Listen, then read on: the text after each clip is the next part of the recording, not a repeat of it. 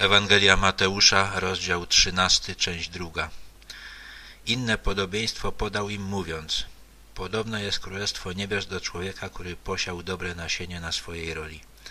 A kiedy ludzie spali, przyszedł jego nieprzyjaciel i nasiadł konkolu między pszenicę i odszedł. Tłumacz przetłumaczył to słowo jako konkol. W rzeczywistości jest to tak zwana życica. Konkol, kiedy dojrzeje, różni się od pszenicy. Łatwo go zauważyć i usunąć.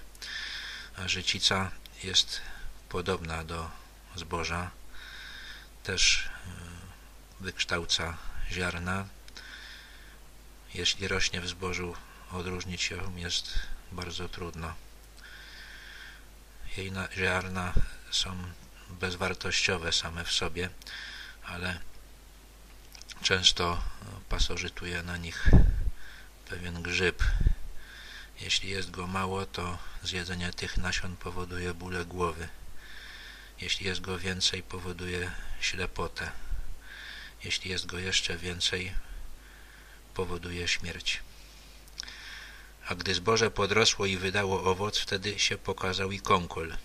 Przyszli więc słudzy gospodarza i powiedzieli mu – Panie, czy nie posiałeś dobrego nasienia na swojej roli? Skąd więc mało na konkol? A on im rzekł, to nieprzyjaciel uczynił. A słudzy mówią do niego, czy chcesz więc, abyśmy poszli i wybrali go? Rzeczywiście często ludzie, chcąc robić sobie na złość, siali tą życicę na zbożu kogoś, kogo nie lubili. Było to ścigane prawem, bo było to narażenie innych ludzi na śmierć, ale bardzo trudno było to wykryć i udowodnić. A on im odpowiada, nie, abyście czasem wyrywa, wybier, wybierając konkol nie powyrywali wraz z nimi pszenicy. Pozwólcie obydwu róść razem aż do żniwa, a w czasie żniwa powiem żeńcom, zbierzcie najpierw konkol i powiążcie go w snopki na spalenie, a pszenicę zwieście do mojej stodoły. Gospodarz zachował się rozsądnie, pogodził się z tym, że plony będą mniejsze, ale że jakieś będą. Wyrywanie tego chwastu musiało spowodować to, czego się obawiał, że zostanie zniszczona także pszenica. Inne podobieństwo podał im mówiąc, podobne jest Królestwo Niebios do ziarnka gorczycznego, które wziąwszy człowiek zasiał na roli swojej. Jest ono co prawda najmniejsze ze wszystkich nasion, ale kiedy urośnie jest największe ze wszystkich jarzyn. I staje się drzewem, tak iż przylatują ptaki niebieskie i gnieżdżą się w gałęziach jego. Ziarno gorczycy jest rzeczywiście bardzo malutkie, ale w warunkach, które panują w Palestynie, staje się wielkim krzewem, tak też Jezus zapowiadał, że On i Jego uczniowie z tą małą grupą, ale z tego wyrośnie coś wielkiego. Inne podobieństwo powiedział im. Podobne jest Królestwo Niebios do kwasu, który wzięła niewiasta i rozczyniła w trzech miarach mąki, aż się wszystko zakwasiło. No, podobna rzecz jest z zakwasem.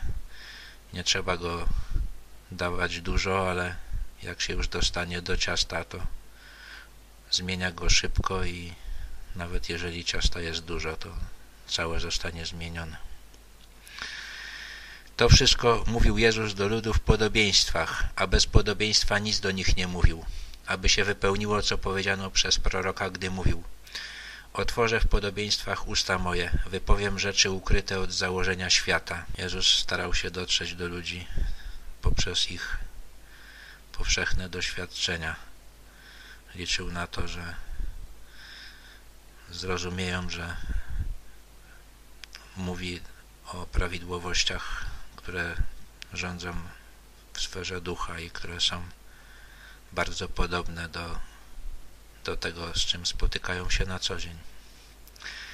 Wtedy rozpuścił lud i poszedł do domu i przystąpili do niego uczniowie jego, mówiąc Wyłóż nam podobieństwo o konkolu na roli.